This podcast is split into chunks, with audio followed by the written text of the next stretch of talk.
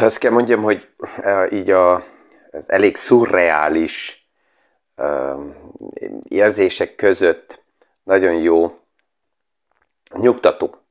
egy témával foglalkozni, egy a tőkepiaci témával. Mi is aktuális pénzpiaci témákról, összefüggésekről beszélgetünk. Gazdaságról érthetően János Zsoltal. Üdvözlünk mindenkit a mai PFS Kávézac podcaston. Még szerencsére a Halloween eh, őrület csúcsa előtt elhagytuk New Yorkot. Hihetetlen, hogy milyen dimenzióba, ezt itt ilyen Európában el sem tudjuk képzelni, milyen dimenzióba ünneplik a Halloween-t. Um, szinte kilométeres um, sorokat állnak a fiatalok azért, hogy különböző kosztumokat vásároljanak be, és így most az utolsó nap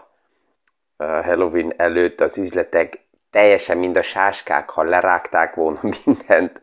teljesen ki voltak körítve, és nem csak egy vagy kettő, hanem New Yorkba százával ezek az üzletek.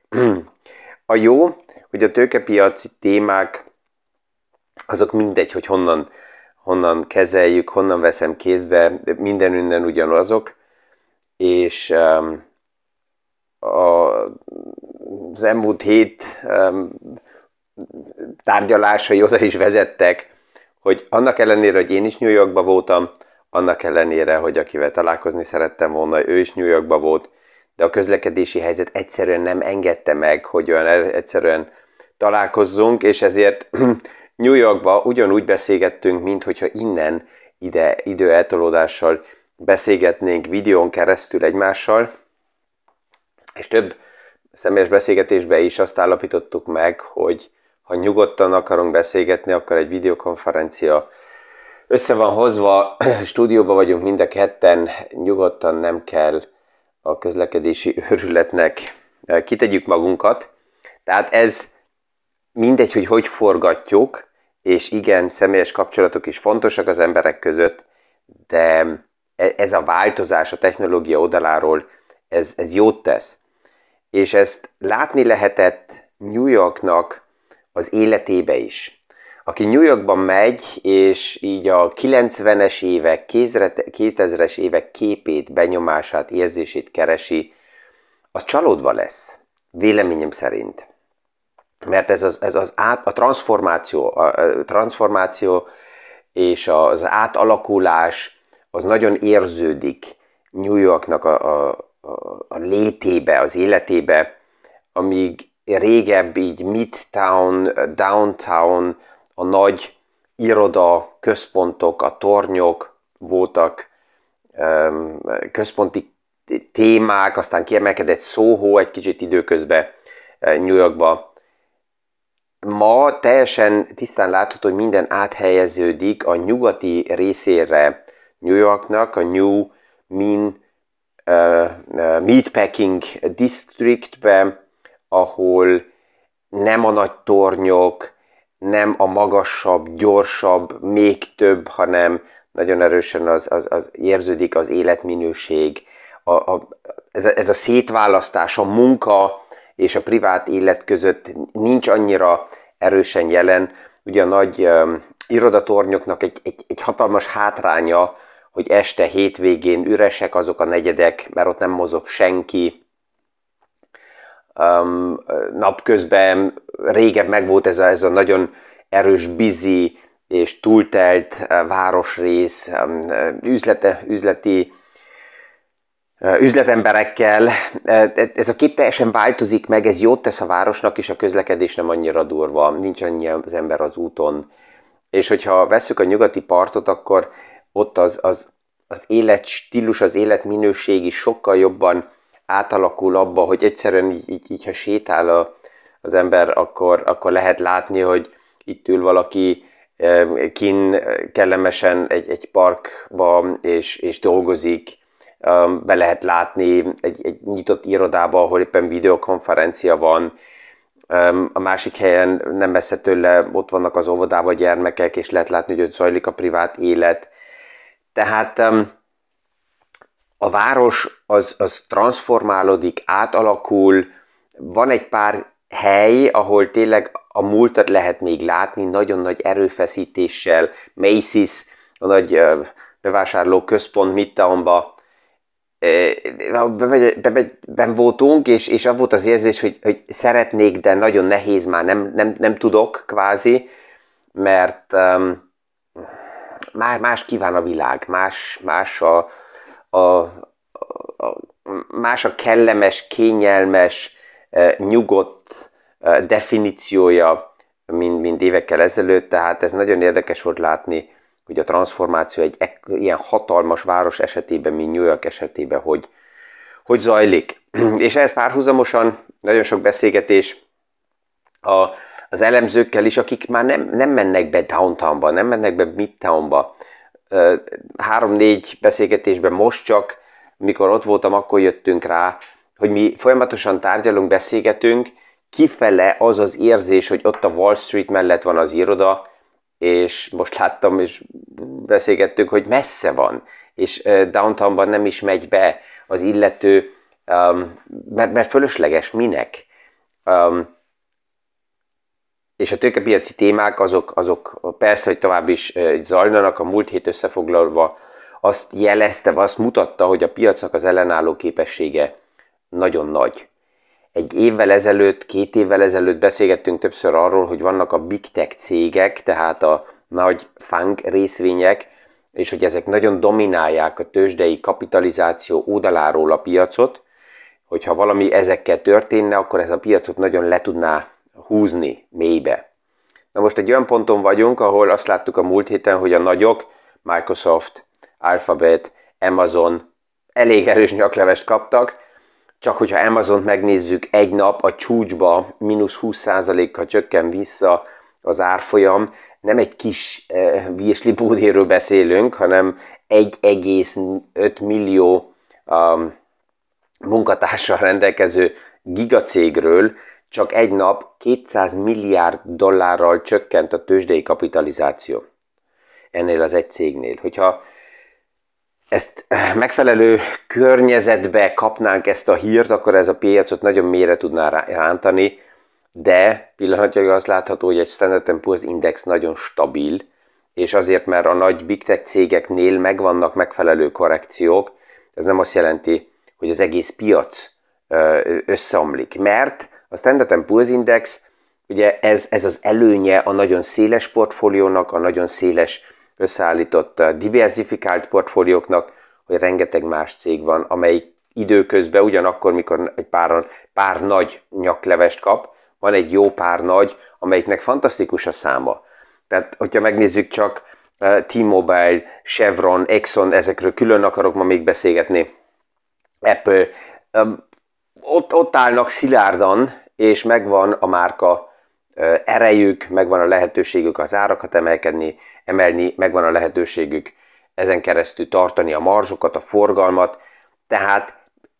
ez is mutatja azt, hogy egy privát befektetőnek csak egy-egy részvényre tenni a voksot az nagyon kockázatos, ha már akkor legalább nagyságrendileg 30-40 kellene legyen, hogy diversifikált és széles legyen a portfólió, akkor ugyanezt meg tudom oldani sokkal jobban befektetési alapokon keresztül, mert ott még szélesebben diversifikálom a portfóliómat.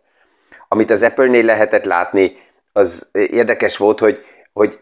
mit jelent a márka hatalom, és mit jelent az, hogy egy márka annyira erős, hogy annak ellenére, hogy az ő fő témájában a laptop és a PC szektorba, ott figyelmeztetések jöttek már Dell-től, figyelmeztetés jött HP-től, tehát ők azt, arra készítik fel a piacot, hogy a forgalom és a marzsok vissza fognak csökkenni. Erre fel kijön fizza, tehát Apple és félre söpör mindent, a Mac PC-vel több mint két milliárd dollárral több volt a forgalom, tehát nem összességében két milliárd dollár volt, hanem két milliárd dollár több volt a forgalom, mint az, mint az elemzők elvártak. És annak ellenére, hogy az iPhone-nál a forgalom csökken a darabszámot nézve, ez érdekes látni lehet Apple-nél, hogy nekik sikerül a drágább iPhone-okból kevesebbet eladni, de ezen keresztül a forgalmat és a marzsot magasan tartani. És a nap végén ez a tőkepiacnak a lényeg és a fontos, nem hogy honnan, hogyha nem összességében mennyi az a forgalom, ami létrejön. És ez passzol nagyon jól ugye a jelentésekkel, az árfolyamokkal, ahhoz, amit a múlt héten is beszéltünk, hogy egy vállalat a tőzsdére megy, tehát onnan likviditást vesz fel, ott beértékelődik legelőször az üzleti modell. Többször jön a kérdés, hogy de akkor a legjobb egyből ott lenni akkor, amikor egy vállalat a tőzsdére megy, hogy az első pillanattól kezdve ott legyek. Ez nem mindig így van. Tehát azt is látjuk, hogy általában, amikor egy vállalat a tőzsdére megy, akkor megvan egy kezdeti hype, egy nagyon erős első um, marketing aktivitás, ami, ami ugye a befektető bankok oldaláról is um, erősen uh, taszítva van, hogy kimenjen a részvény minél magasabb árfolyamon, ugye ez az eladóknak az érdekük, erről beszélgettünk a múlt héten, és azután aztán megnyugszik valamikor a bizniszmodell, megérkezik, és akkor lehet látni, hogy körülbelül hova árazza be azt a bizniszmodellt a piac. Erre egy példa volt az elmúlt hetekben Porsche is, ugye kiment, az első jegyzések fenn voltak valahol 70, dollár, 70 euró körül, és most valahol megtalálja az alsó pontokat a Porsche olyan körülbelül 55-56 eurónál. Megint, mint mindig, ezek nem ajánlások, sem vételre, sem eladásra, semmire, hanem csak egy pár példa, hogy körülbelül tudjuk ezeket helyhelyezni. Mikor megérkezett a részvény a tőzsdére, azután a piac felteszi ezt a kérdést, hogy oké, okay, ettől az szektortól akkor mit várunk el? Milyen számokat kell negyedévente teljesítsen ez a szektor, és ezeket az elvárásokat kezdi a piac előre tekintve beárazni. Azután jön a negyedéves jelentés, az első, amire a piac figyel, hogy eddig mit árasztunk be, és a tények mennyire térnek el egymástól. Hogyha ezek nagyon eltérnek, felfele, hát akkor korrigál az árfolyam felfele. Hogyha a tények eltérnek nagyon erősen lefele, korrigál az árfolyam lefele. De ugye ez itt nem, nem itt, itt még nincs vége a sztorinak, hanem amikor a negyed év le lett zárva, akkor egyből a piac már egy perc múlva előre néz, és azt mondja, hogy oké, okay, ez volt a múlt, ez be volt árazva, egy picit korrigáltuk, de akkor most hogy néznek ki a kilátások? Mit vár el a menedzsment, mit jelez a menedzsment a következő negyed évre? Ha jók a kilátások, akkor általában az árfolyam megint ezt kezdi beárazni felfele. Ha rosszak a kilátások, akkor lehet, és ez lényeges, lehet, hogy lefele árazza be ezt a piac, de van olyan eset is, amelyikben azt látjuk, hogy rosszak a kilátások, de mégis felfele árazza be a piac, mert a menedzsment olyan, um, olyan, olyan kijelentéseket tesz, ami tetszik a piacnak. De vegyük példaként Facebookot, Zuckerberg ugye a múlt héten ő eléggé szépen nyírbálva volt. Miért? Az egyik oldalról a kilátások azok nagyon uh, gyengék, mondjuk így,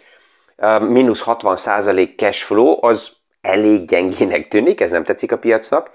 és erre a piac mit várt volna el a menedzsmenttől, hogy a menedzsment reagál, és azt mondja, hogy oké, okay, akkor csökkenteni fogjuk a költségeket. Látjuk, hogy kevesebb a cashflow, ez azt jelenti, hogy a költségek oldalán kell reagáljunk. Tehát személyzetet fogunk, fogunk például elbocsájtani. Ezt Zuckerberg nem mondta ki. Plusz a Metaverse témája nagyon sok pénzt éget el. A piac azt akarta hallani, hogy akkor kritikusan megvilágítja Zuckerberg, hogy mennyire érdemes ebbe a témába tovább investálni. Ezt nem tette meg. És ezzel ritz-ratz a zárfolyamot egyből leküldték a padlóra, a másik pedig Intel volt, ott is a kilátások gyengék, a PC szektorban megvannak a problémák, az egész technológiai szektor jelzi, hogy lehűlést vár, de az utolsó mondat az elemzőkkel a sajtókonferencián Intel oldaláról, hogy mi látjuk, hogy kell reagáljunk a fix költségek oldalán, és ebbe egyből beinterpretálja a piac azt, hogy oké, okay, akkor Intel azt jelezte, hogy költségeket fognak csökkenteni, ezért az árfolyam nem omlik össze, mint Facebooknál, hanem ha marad elég stabilan, sőt, még egy picit emelkedik is. És, és ebből látjuk ezt a fiammal is, ugye, a hétvégén ezeket megint megbeszéltük, hogy mik a különbségek, és hogy kommunikál a menedzsment a tőkepiacsal, és ebből, hogy ki, ki mit értelmez, és ki mit lát. Um,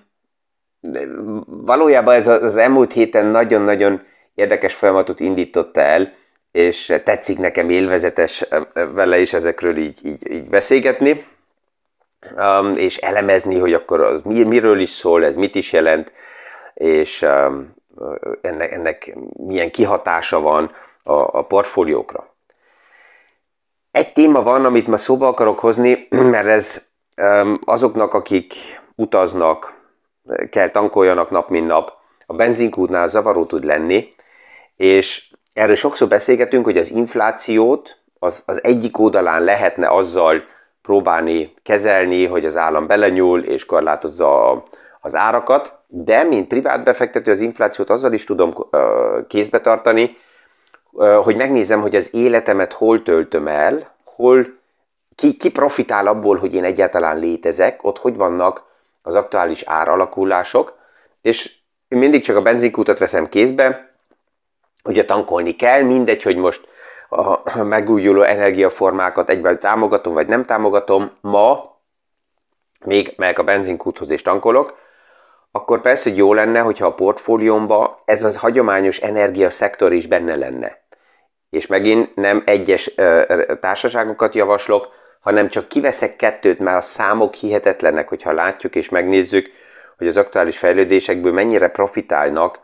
azok, akik az energiaszektorban dolgoznak, és az élen két nagy vállalat van, Chevron és Exxon, és mind a kettőnek a számait, hogyha megnézzük, akkor, akkor e, ez durva, hogy milyen dimenzióban mozognak, és persze, hogy jó, hogyha benne vannak a portfólióban, mert akkor ez kompenzálja egyszerűen a másik oldalán a befektetésbe az infláció fejlődését és az áremelkedéseket az, e, az energiaszektorba.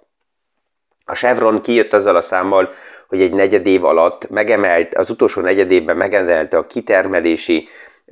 kapacitását 3 millió barrel olajra naponta. 2,7 milliárd dollár osztalékot fizetett ki Chevron csak egy negyed évbe, plusz emellett még megemelte az investíciókat a kitermelési kapacitásokba 50%-kal. Hatodik negyedévben egymás után adóságot törlesztett és csökkentette az eladósodási szintet, kötvényeket fizetett vissza. 3,8 milliárd dollárt használ fel Chevron arra, hogy saját részvényeket vásároljon vissza, és egyből be is jelentette, hogy ezt ugyanígy tervezi a negyedik negyedévben is 3,8 milliárd dollár. Ez azt jelenti, hogy a Chevron esetében ez 3,8 milliárd dollár fix kereslet a részvény után csak azért, mert a saját részvényt vásárolják vissza. Tehát, hogyha ezek a számok jók, akkor Exxon még jobban kiveri a biztosítékot, tehát ott is a tőke, tehát az operatív cash flow-ja Exxonnak az 24 milliárd dollárra növekedett. Az egész évet, hogyha megnézzük, akkor összességében Chevron is 15,7 milliárd dollárt csak kitermelési kapacitások növelésébe investált. Most azt lehetne mondani, hogy oké, okay, akkor minden pénzüket felhasználták arra, hogy a kapacitásokat emeljék. Na, na, 8 milliárd dollárt ugyanebbe az időbe fizettek ki a részvényeseknek osztalékon keresztül, és már bejelentették, hogy 2023-ban összességében 30 milliárd dollár értékbe fognak saját részvényeket visszavásárolni, az előbb Chevronnál beszéltünk 3,8 milliárdról negyed évente. Ezt, hogyha összeszámoljuk, ez lenne olyan durva, körülbelül 15 milliárd egy évbe. Exxon erre ráteszi, cak, 30 milliárd az, amit a jövő évbe terveznek, és ezzel fogják a, a részvény visszavásárlási programot még jobban erősíteni. Tehát ezeket a számokat azért érdemes néha így kézbe venni és megnézni, mert miközben nagyon sokan így nyavajognak, hogy á, az inflációt oldjuk azzal meg, hogy az, áram, az államok belenyúlnak és így korlátozzák az árakat, abban látjuk azt, hogy a probléma az, hogyha ez megteszik a lépést, hogy ellátási problémák merülnek fel, mert korlátozott áron azon nem fog rendelkezésre állni egyszerűen az üzemanyag, és mint befektető megvan a szabadságom, hogy a saját helyzetemet másképp kezelem. Tehát az egyik oldalán figyelem, megértem, hogy mi történik a gazdasági összefüggésekben, a másik oldalán pedig megnézem, hogy hol zajlik az én életem, hol van meg az a márka erő, amelyik nem csak nekem tudja eladni a drágább árakat, hanem másnak is, és akkor ezt a szektort hogy tudom bevenni az én portfóliómba, hogy ez a másik oldalán kompenzáljon, ha már létezik emelkedés, oké, okay, akkor ez jelenjen meg az én portfóliómba azon keresztül, hogy osztalék van, stabil árfolyam emelkedés van, és ezért nem kell száz százalékban mindenemet erre rátegyem, hanem az, a széles portfólió összeállítás azt is jelenti, hogy ez is benne van a portfóliómba. És hogyha ma a likviditás kellene, akkor persze, hogy inkább ebből a szektorból adnám el a részvényeket, és nem egy olyan, vagy a pozíciókat, az alapokat, és nem egy olyan szektort adnék el, amelyik éppen most víz alatt van. Ezekkel a gondolatokkal, és újra vissza Európába kívánok mindenkinek kellemes napot, sikeres tárgyalásokat, mint mindig, és a viszonhallásra a hónap reggeli PFS Kávézat podcastig. Thank you.